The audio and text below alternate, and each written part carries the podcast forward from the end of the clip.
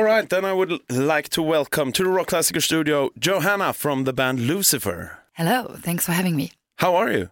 I'm great, thank you. Very busy with the album release and our tour starting, but very excited. Yeah, and also I have to say happy birthday, belated birthday. You, you had your uh, celebration this week. Yes, thank you. I just turned uh, 25. me too, me too. but how was it? Um, it was also very busy. i am just um, a very busy person with Lucifer. I do a lot of work myself, so um, it's been great. Nick, uh, my husband, has been taking good care of me. He serenade. He woke me up with a Ramones song, actually. Playing guitar. Song? Yes. He, Which one? Um, well, it's you know the Merry Christmas song yeah. that they did. He turned that into a Happy Birthday song. All right. So um, he the door sw swings open in the morning, and in comes Nick with an acoustic guitar, singing to me. Isn't that great? That's great. like when you say morning, what time was it then? Well, like ten. 10 a.m. Yeah. Yeah. Okay. Yeah. Uh, That's very early for rock stars. That's what I meant. But um, I'm actually going to go back to where it all, where you where you had your first birthday, so to speak. On the birthday, you were born in Germany. That's correct. Was it in Berlin? Yes. And how was the upbringing there, kind of? Well, I was born in East Berlin, behind the wall, so I'm sort of a dinosaur. And when I was six, we moved from East Berlin to West Berlin, and that was kind of like a culture shock because so I was six, and all of a sudden, you know, coming from communist country to West Berlin, I got a Walkman. Um, my parents could go to all the rock shows, and we could travel all over Europe. And I got a Barbie, so it was really exciting for me.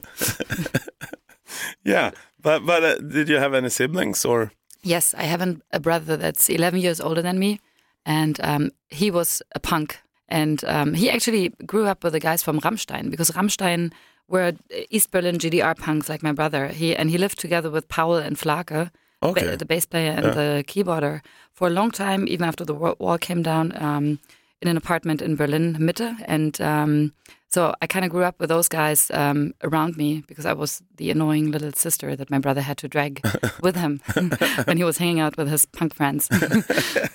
All right, but uh, but how were you in school? How I was in school, I was an outsider because um, I went to school in West Berlin uh, in uh, first grade, so I was the weirdo from East Berlin. Uh, and then that somehow continued. Um, later on, um, I was the only metalhead at school. Yeah. So I'm used to yeah being the odd one out. Yeah. but but I mean, like as you said, East Berlin, and how was kind of the music scene there? Yes, so the um, GDR government they kind of tried to suppress the rock and roll music. Um, my mom was a huge Stones fan, and all her friends had long hair in the 70s, and that was a big problem. Um, so the Stasi you know, which was kind of like the GDR Secret Service, they would, um, on a regular basis, interrogate people who had long hair, take them in, you know, cut their hair off. Um, they would have to go to jail and stuff. Um, rock shows were held like kind of secretive often. The only rock bands that were really allowed were conform with the government, but those were obviously not cool because it's not cool to yeah. be conform with a suppressing regime. Um, so records were smuggled into the GDR people made their own cool clothes. My mom um, like made bell-bottom pants in the 70s herself because you couldn't buy that kind of stuff. Mm. And you kind of had to rely on relatives sending you things from from West Germany, you know. So uh, that's uh, my kind of background. So when the wall came down, it was, I mean, um, heaven for rock fans, you know. Um, you risk getting to jail if you if you bought like a Mötley Crüe album or something like that. Well, not that drastically, but you definitely, if you were part of some sort of, sort of subculture like that, you would have eyes on you, and the Stasi would follow you and um, wow, have a problem with you. Yes. Did so, they talk to you? Any? No, I was too little. Yeah. All right, but what dreams did you have as a kid? Um, I was always drawn to performers. And before rock and metal stole me away when I was around 12 or 13, that's when I got into like Guns N' Roses, Metallica, Danzig, and like Alice in Chains and stuff like that. But before that, when I was in elementary school, I was into pop. So my my hero was Madonna back then. Oh yeah, yeah. And it was like the Blonde Ambition tour during the 80s and you know, when she was wearing all these like hoary kind of um, corsets and she was dancing in front of burning crosses in the Like a Prayer video, that made a big impact on me. And I think um, that kind of spawned my obsession with like you know, I love churches and I love crosses and all that, and I totally bring that into Lucifer Yeah. um, also. But then I saw Danzig um, for the first time when I was 14. And that absolutely drew me over to the dark side. You know, they all had black leather jackets, they had black hair, they had the huge inverted crosses, and um, that was visually so stunning to me. It was like, ah, I, I want to be that. That's really cool. You know, like satanic rock and roll. And to this day, you know, now 30 years later, no, I'm sorry, five years later, um, you can see all these influences still. So, yeah. And, and what was your first concert? When did you go to the first concert that you remember? Kind of. My first concert, I was 13 and I saw Guns N' Roses at the Olympic Stadium in Berlin, and support were Soundgarden and Faith No More. All right. I still have the ticket. Oh, really? Yeah. awesome. so, how was that? That was extremely impressive and very exciting. I had such a beating heart. I mean, it was masses of people. Olympic Stadium is huge. I think it fits like 50,000 people. Yeah. And um, it's a very impressive architecture. I mean, this looks uh, very much like brutalism. You know, the Nazis had that built, and that's where like Yeah. the Nazis held the Olympic Games. So it like the whole. Uh, it's a it's a weird, huge structure. It looks like a spaceship, and in that you had like Guns N' Roses going completely off, off their tits, you know, basically. Um, that was awesome. It was um, that totally was a start um, of being a lover of live shows. And meanwhile, I can't count how many shows I've seen in my life. No. Yeah, Do you remember if they were in time? That I don't think they were. no, probably not. but then uh, getting older, uh, and now you've seen your uh, rock concerts and stuff like that. But what did you kind of study during this time, like like a young adult or? Um, so it's it's funny. So I saw because in school, when you go to school, you have to kind of do some sort of internship. I think they do that in Germany, so you kind of figure out uh, what you want to be later. So I picked um, working in an esoteric bookshop. So um, they had like occult books and stuff. I did that like um, as an internship and then after school. And then um, so I finished my school, and then um, my mom was like, I started working at bars for a year, and uh, then my mom was like, No, you have to, you know, you have to go back to school. You have to like study something, learn something proper. so I was like, Okay, damn it, I'm just gonna do this for my mom. And so I went uh, back to school, and I did something. Um, I don't. I'm not sure if you have that in Sweden. It's basically you learn everything that has to do with um, how to um, manufacture books, how to distribute books, um, publishing house stuff, German literature, anything that has to do with the economics of running a bookshop. We call it Buchhändler. Uh, I have never come across another country that has that job description. Um, but anyway, so that's It's not like a library. no, it's it really has to do with the with the, um, um, being able to run a bookshop, know everything about lit- literature, know how publishing houses work, Okay. and how books are being distributed. So you can either work at a publishing house, you can have a bookshop, um, you can be at a distributor, or you can start your own independent um, publishing house or whatever. So you have a little bit of um, you know literature, economics, and all kinds of stuff. So that's what I actually learned, and um, I worked at one of the first um, internet bookshops um, before there even was Amazon. uh, in in Germany, but then um, I got really bored very quickly, and I uh, just started like working booking shows in Berlin. I ran a club night. It was called Kill 'Em All Club for nine years. Kill 'em all club. Yes, yeah, I wonder where that name came from. yeah. hmm. so I did that for nine years, um, DJing a lot. Um, ha- I had a lot of DJs from um, like musicians from other bands, a guest DJ, and I put on bands. Uh, for example, I booked Ghost before the first album came out. Uh, they played in front of like 80 people in Berlin in a small club, Yeah. One of many bands, and um, yeah, that was a lot of fun. So I did work on the other side as well.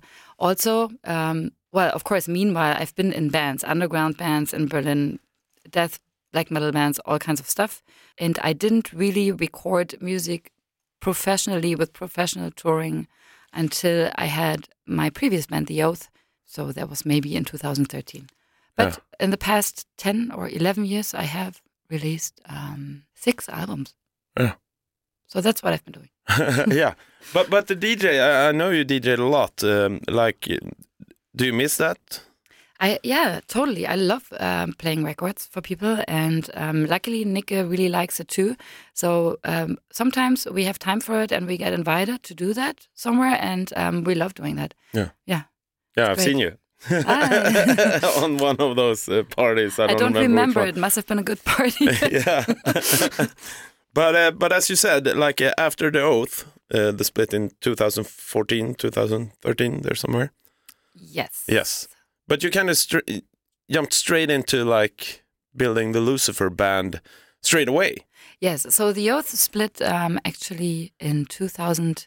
I think it was January 2014, and I think it took me four, like two to four weeks or something to be like, no, I'm I'm gonna found a band, and then I had the name Lucifer already, and then I was looking for people to join me, and it was very fast. And Yeah. then a year later, the first Lucifer album came out. Yeah. Yeah.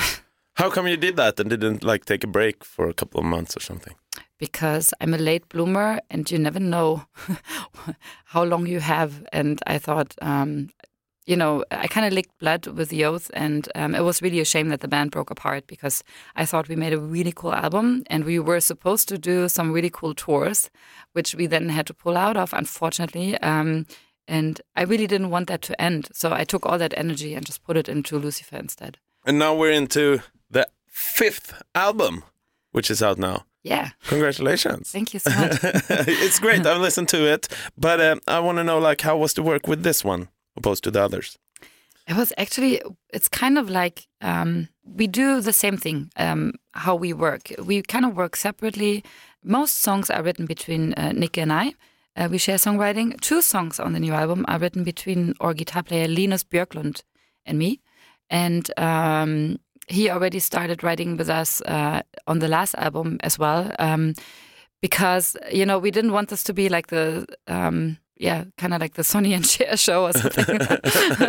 so we asked Linus, you know, because Linus also has a studio like us, and he has really good taste in music. And like, don't you want to like take part in the songwriting? And he's like, sure, I can. s- Like, so he sent over some stuff, and was like, wow, good thing we asked him because this sounds more like Lucifer than Lucifer. so, so yeah, so he contributed, and um, there's two songs on the new album that I think are really rocking. Um, Strange Sister and Riding Reaper. So um, yeah, Linus is the man. So and thank God now it's not just uh, Nick and me, but um, it feels more like a group effort. You know. Yeah, yeah, I get it. I'm kind of envisioning you and Nicky being at home after some tour and just relaxing, maybe watching a horror movie. Is there times when you're like, oh, this got us inspired, and you go straight to because you have some studio at home, right? Yes, we have a complete uh, complete recording studio at home, and um, it's always. I mean, sometimes Nick, uh, you know, his son takes a bath and he sits next to him with his guitar to to give him company, and then he like jams around and then a cool riff, and I'm like, yes, I call from the other room. You have to take that. You have to record that. Make a song out of it. And then it's straight to the studio recording and back. well, kind of, you know. And then um, I, you know, exactly like we watch a horror film or something, and I'm my mind wanders because I think I might have a little bit of ADHD, not diagnosed, but I'm pretty sure of it, because all musicians are weird, right? yeah, yeah.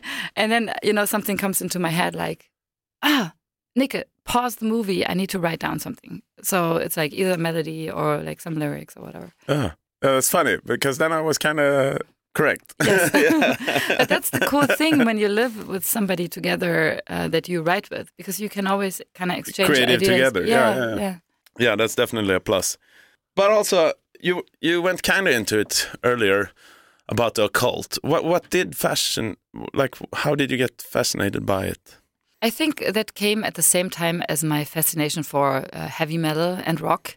I guess, you know, when you're a teenager and you discover rock music, um, you you get the devil automatically kind of pushed into your face.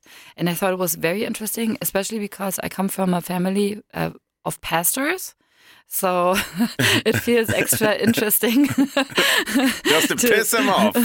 yeah, to you know dabble around, um, and yeah, actually, my mom used to also take me on walks onto cemeteries, and that also did something. I love going onto cemeteries. I love going into churches and smelling and looking around and seeing the beautiful glass stained windows and the you know the ornaments and everything. I, I love all that, and I think I have a desire to find more. Um, I want to see what's beyond, you know, and the occult uh, was interesting to me because um, so my four the frontal lobe or whatever whatever of my, of my little brain thinks well when i die i'm gonna just you know um, uh, be eaten by maggots and that's it. Life is over. But my heart wishes that there's more. You know i wish there was like there was ghosts or that the people that we love that we somehow are connected to them still and that there's more to than just living now and then you die and then everything is over. Yeah. and uh, i think that longing for there being more um, you automatically start looking into like spiritual things and uh, i just you know yeah i mean the occult is interesting and the devil has absolutely um, huge appeal you know i mean that's why the stones have sympathy for the devil right Yeah, exactly. Yeah. he lives in rock and roll Yeah, it's interesting because I also have a birthday coming up and I'm turning 40. ah Uh, so again I wish I was like normal man and had a crisis and just bought myself a sports car. But that's not my crisis. My crisis is like every day I think about time and death. So it's pretty boring crisis. oh no I don't know why. you know i do that too Yeah. um, maybe you're not busy enough I'm busy, but before you sleep and stuff, I then you know. can't sleep. I have that too. Mm. I have that too. And um, I think um, my help tool is to grab the bull by its horns. And I, I just write lyrics about it, about it, and I try to take it with humor. There's a lot of humor in Lucifer lyrics. Mm. Um, I think it's a survival tool. It's like kind of you know how people like hysterically laugh in horrible situations Yeah. because they don't know what to do Yeah. about it. Yeah, that's kind of like that. I should just laugh death in the face then. exactly. Yeah, awesome. Uh, now I know you quit smoking last year, right? That's correct. How is that going? Um, well, I'm now I'm half as cool. As be- it's actually going very well. I don't miss it anymore. But for example, uh, on my birthday, uh, Nika took me out to eat, and um, afterwards, I'm like, now I'm just gonna have one party cigarette because it's my birthday. And then I had like half a cigarette, and I started feeling the sickness creeping in. So it's not even fun anymore. It No. really sucks because I, my plan was to stop, like not be a regular smoker, but maybe the once a month where I have a glass of wine, then I can have a cigarette. But somehow I get sick from it now. Yeah. It sucks. it's, it's probably good for you though. now you're going out on tour in like one week Right. to Europe. Yes, and we start in Gothenburg. Uh, we have our first show February 1st in Gothenburg, together with Crank, um, which is a biker rock band Yeah. from Sweden with Erik from um, Tyrant Gustafsson from Nifelheim. Uh, so that's really cool. I'm excited to see them live. And then we go all the way down to Germany, France, and so on. And then we come back to Sweden, and we play on February 24th in Linköping and on February 25th at Debaser, Stockholm. That's where we end the tour, hopefully gloriously. awesome. And you, and you also were on tour with uh, the guys you took to your uh, club in Germany, Ghost, right? Last yes, yes. Um, Ghost uh, took us on a arena tour through France and Luxembourg and Italy, and that was really cool. Yeah, how was that? Yeah, crazy. I mean, we've played big stages at festivals, but we haven't played a tour through arenas. So that's like a different beast. You have to all of a sudden um, do a lot more miles on stage, you know? Yeah. but but like, does Tobias remember that you brought them to that German club back oh yeah, the day? absolutely. Oh, really? Yeah, Yeah. yeah, yeah. Um, Tobias and I, um, you know, I, I guess you could say we're friends, and um, I've seen Ghost grow. Whenever he played in Berlin, um, I would go to the shows and say hi, you know, and the venues kept getting bigger and bigger. I don't know. I mean, what's what's the next stage? Will they th- will they sell out the Olympic Stadium in Berlin? Maybe, maybe. Probably.